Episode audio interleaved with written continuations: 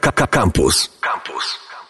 Kręte ścieżki, witam wszystkich e, po krótkiej przerwie, ale wracamy z przytupem. Czasami tak bywa i robiłem to już kilkukrotnie, że trzeba wywiad zrobić z samym sobą.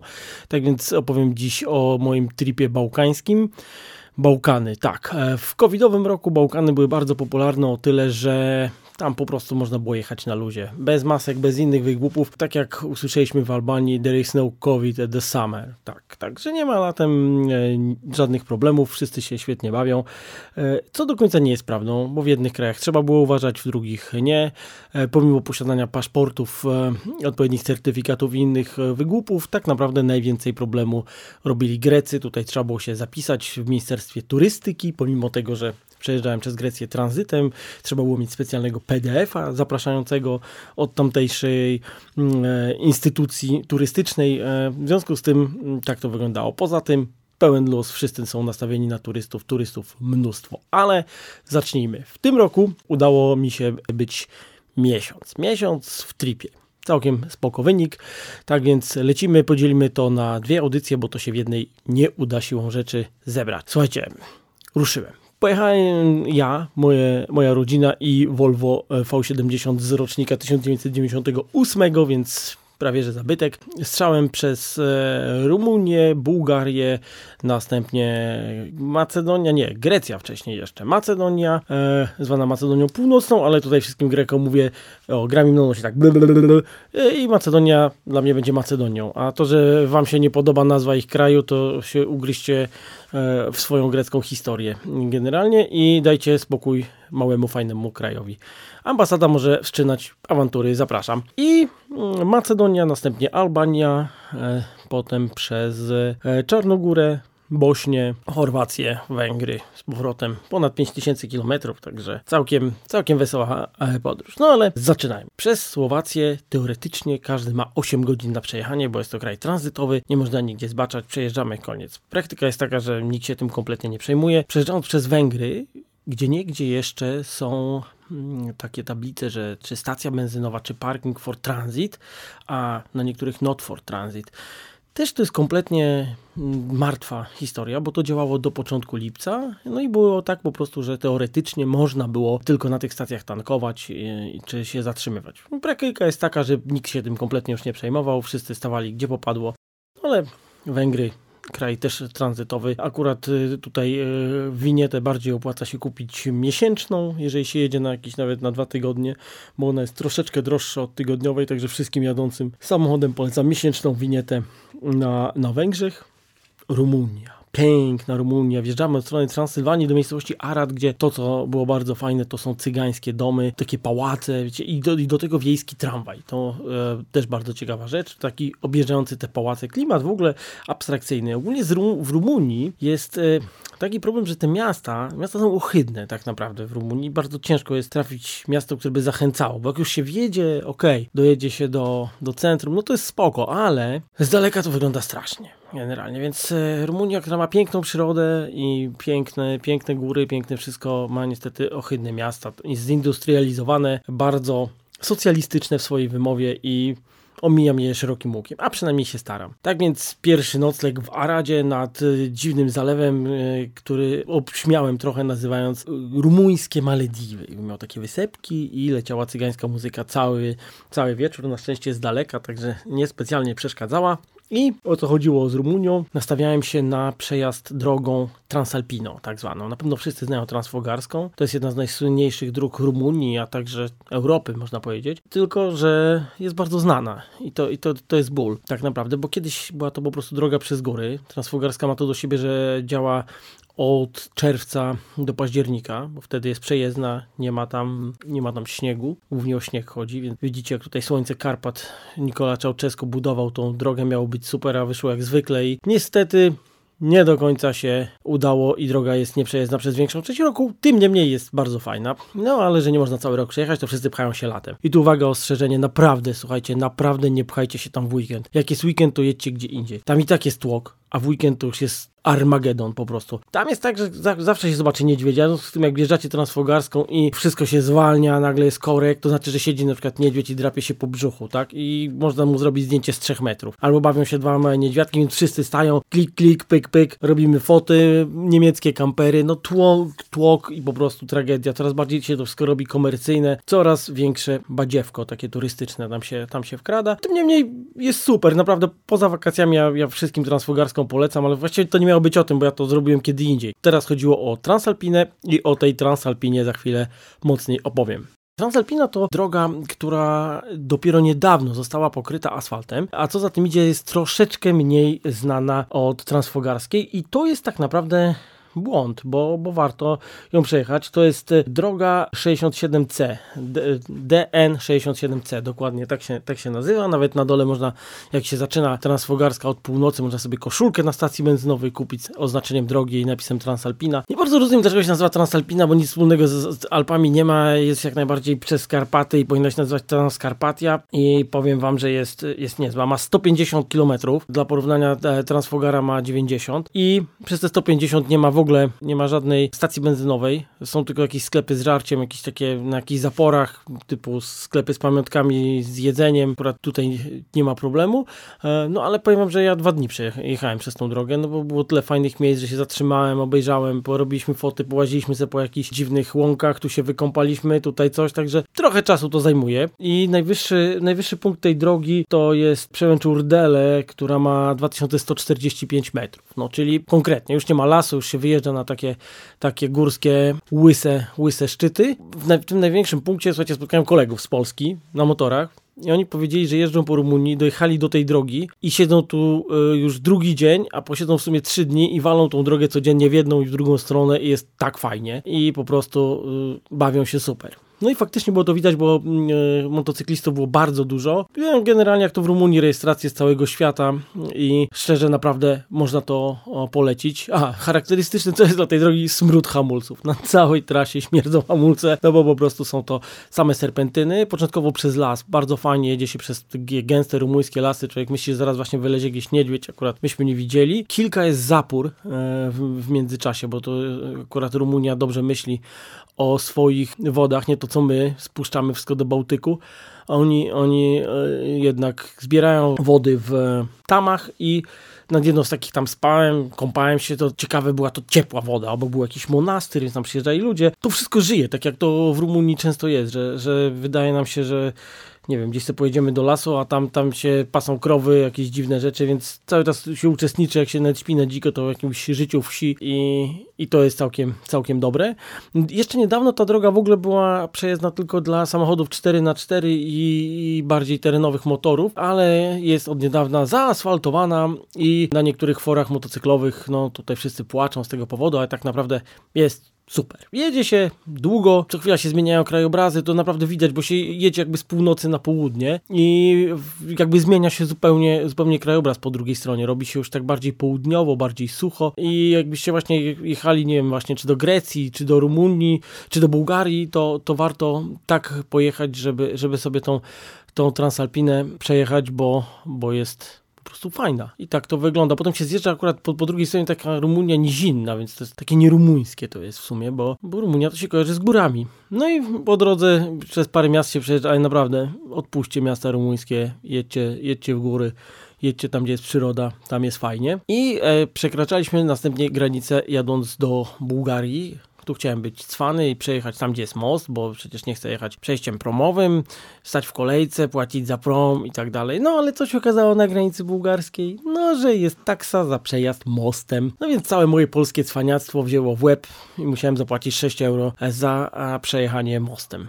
Zarówno w Rumunii, jak i w Bułgarii należy czym prędzej wykupić winietę, bo można dostać y, po głowie. Jeśli chodzi o winietę w Rumunii, ona jest na wszystkie drogi i również na autostrady. Ona kosztowała, nie pamiętam, kilka euro, jakieś, nie wiem, 5 czy 7, jakieś groszowe sprawy. W, w, Bułgarii była trochę droższa, ale wszędzie jest przypomnienie, że winietka, winietka. No i rzeczywiście spotkaliśmy ludzi, którzy wjechali na chwilę do Bułgarii, coś tam pojechali do pierwszego jakiejś miejscowości, coś tam kupili, wracali i zostali złapani i musieli zapłacić 50 euro kary, więc, więc e, trzeba kupić, ma się święty spokój i naprawdę nie, nie robimy cebuli. Bułgaria bardzo, bardzo ciekawie przywitała nas deszczem i pojechaliśmy do Belogradcika. Belogradcik, czyli taki miejscowość można powiedzieć na rogu, na północnym rogu, północny zachód. Najbardziej północny zachód, jaki można wymyślić w Bułgarii, tak w rogu położony i zawsze jak wpiszemy Belogradcik, to jest Belogradcik Fortress, tak? Czyli tam, że jest forteca i tak dalej, ale jakby nie o to chodzi. To jest miasto, które w czasach, gdy nasze Mazury aspirowały do cudu natury europejskiego, to właśnie Belogradcik był wystawiony przez e, Bułgarię z racji skał, które, które tam są. Przez 40 kilometrów e, w tamtych okolicach ciągnie się taka grzęda skał, które wyglądają mniej więcej tak jak, trochę jak zawatara, takie skały grzyby, takie ostańce skalne i na przykład w mieście one są wszędzie. E, miasto jest tak położone, żeby jest wtopione w te skały, jest tam jakiś amfiteatr z jednej strony zrobiony, one są w nocy oświetlane, ale mm, warto pójść na ten zamek, bo ten zamek to nam wyjdzie zawsze generalnie, bo zawsze było Gradczyk Fortress, coś tam. Wejście kosztuje, parking kosztuje, ale naprawdę z zamku jest taki widok, że to jest petarda. Słuchajcie, e, widać cały właśnie ten Beogradczyk, jak on jest wklejony w skały. Skały są czerwone, takie ciemno-czerwone, domy jasne, więc to, to, to wszystko ładnie, ładnie ze sobą gra. Nad Beogradczykiem jest też e, wieża telewizyjna, myśmy tam akurat nie pojechali, ale znajomi e, poznani tam Polacy mówili, żeby właśnie, właśnie tam sobie pojechać. W okolicy Beogradczyka dość łatwo znaleźć miejsca, miejsca do, do biwakowania, bo oczywiście wszystko na, na dziko i z namiotem, bo to jest na, najfajniejsze, co człowieka może spotkać znajduje się fajne miejsce i się tam śpi po prostu. No i jako, że byłem kilka dni w drodze, stwierdziłem, e, że się, że się pójdę umyć do potoku, słuchajcie, włażę w taki las i nagle jakieś błyski, coś błyskają i nie wiem, czy jakieś od tego jechania samochodem coś mi się porobiło w głowie i widzę jakieś błyski, a to słuchajcie, świetliki, ale w takich całych bandach e, latające i nie tak jak u nas, że świecą się na zielono, tylko takie stroboskopowe po prostu. Co chwila tu błysnął, tam błysnął. Ja myślałem, że naprawdę już przesadziłem i zmęczyłem się za bardzo z kierowaniem, ale to były świetliki, bardzo, bardzo miłe zwierzątka. Tam też e, można poszukać jaskiń. Część jaskiń jest ogólnodostępna. One są, są właśnie w tych, w, tych, w tych górach, to są takie, ja mam wrażenie, że po prostu to są tak jakby środki gór, góry się zerodowały i zniknęły i pozostały takie ostańce sterczące we wszystkich stronach. Najsłynniejsza tam jaskinia to jest jaskinia Magura, e, która e, po pierwsze ma bardzo dużo nietoperzy, jest w ogóle świetna, jest rezerwatem. Oprócz tego są tam ślady, ślady ludzi i e, kilka rysunków naskalnych. Myśmy tam oczywiście sobie pojechali radośnie, przyjeżdżamy, godzina 16, post-apo, po prostu post-apokalipsa, jakiś jest parking, na parkingu nikogo, tam jakiś budynek z powybijanymi szybami, który pewnie był bileterią za czasów jedynie słusznych. Wygląda to wszystko tragicznie. No idziemy, okazuje się, że to na czwartej to wszyscy poszli do domu, w ogóle nie ma, nie ma jaskini, przyjdźcie kiedy indziej właśnie. Nawet nikogo tam nie było, nie było kogo zapytać, więc uważajcie, pamiętajcie, że to jest po pierwsze południe, po drugie socjalizm. Tamtąd e, pojechaliśmy e, przez Sofię, gdzie mieliśmy krótki interes, zakupiliśmy deskę SUP do pływania e, dalej i pojechaliśmy do miejscowości Rupite. Znana jest z gorących źródeł, gdzie można się kąpać. Źródła są naprawdę bardzo gorące. E, do tego stopnia, że w niektórych jest napisane, że tutaj się nie kąpać, ale włożenie tam palca od razu nam e, uświadomi, że to był głupi pomysł, żeby się tam kąpać, ale to jest najważniejsze dla Bułgarów. Tam jest miejsce, gdzie żyła, mieszkała, przyjmowała swoich interesantów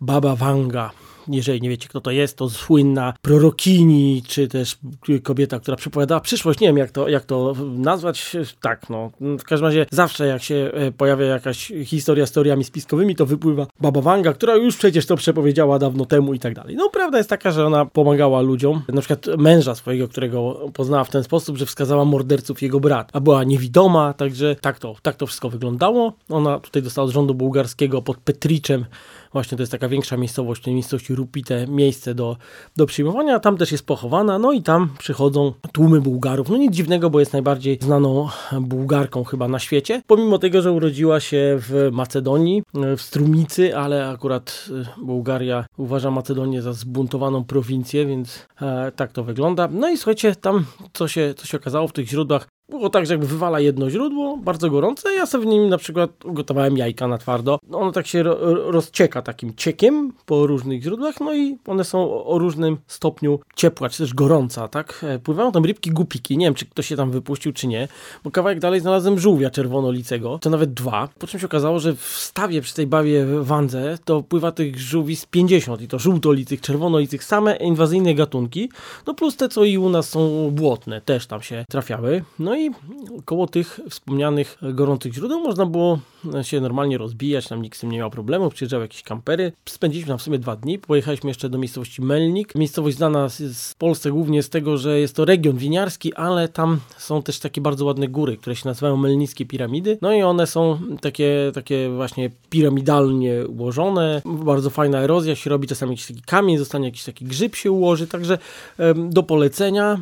Tam można spokojnie sobie zamulić na, na dzień, dwa. To też jest bardzo fajny przystanek w drodze do Grecji, żeby sobie odpocząć, wyluzować e, i po prostu tam pocilować się w ciepełku. E, co prawda jest to trochę przerost formy nad treścią, w taki upał moczyć się w gorącym, ale jak ktoś lubi, to jak najbardziej. Tam też e, spaliśmy sobie radośnie i nagle nad ranem, znaczy o 7 rano, przyjechali faceci z kosiarkami i zaczęli kosić naokoło trawę. Tam jest same góry, to jest gdzieś na końcu wsi, w ogóle pytam się o co chodzi. No ale patrzymy, tam jest pomnik, znaczy o co chodziło z tym pomnikiem. Jest to pomnik samolotu, który został tam zestrzelony przez siły bułgarskie w 50 latach i był to samolot izraelskich linii lotniczych lecący z Wiednia do Tel Awiwu. Słuchajcie, to jest przy samej granicy z e, Macedonią, czyli wtedy była to Jugosławia i oni się po prostu pomylili, wylecieli gdzieś na bok za bardzo, ale że e, Rumuni byli, znaczy Bułgarzy, Rumuni akurat też. No chciałem powiedzieć jajogłowi komuniści, no to samo mi przyszło na, na myśl, że Rumuni, ale to były akurat dwa kraje, które były wyjątkowo jajogłowe w swoim komunizmie, więc Bułgarzy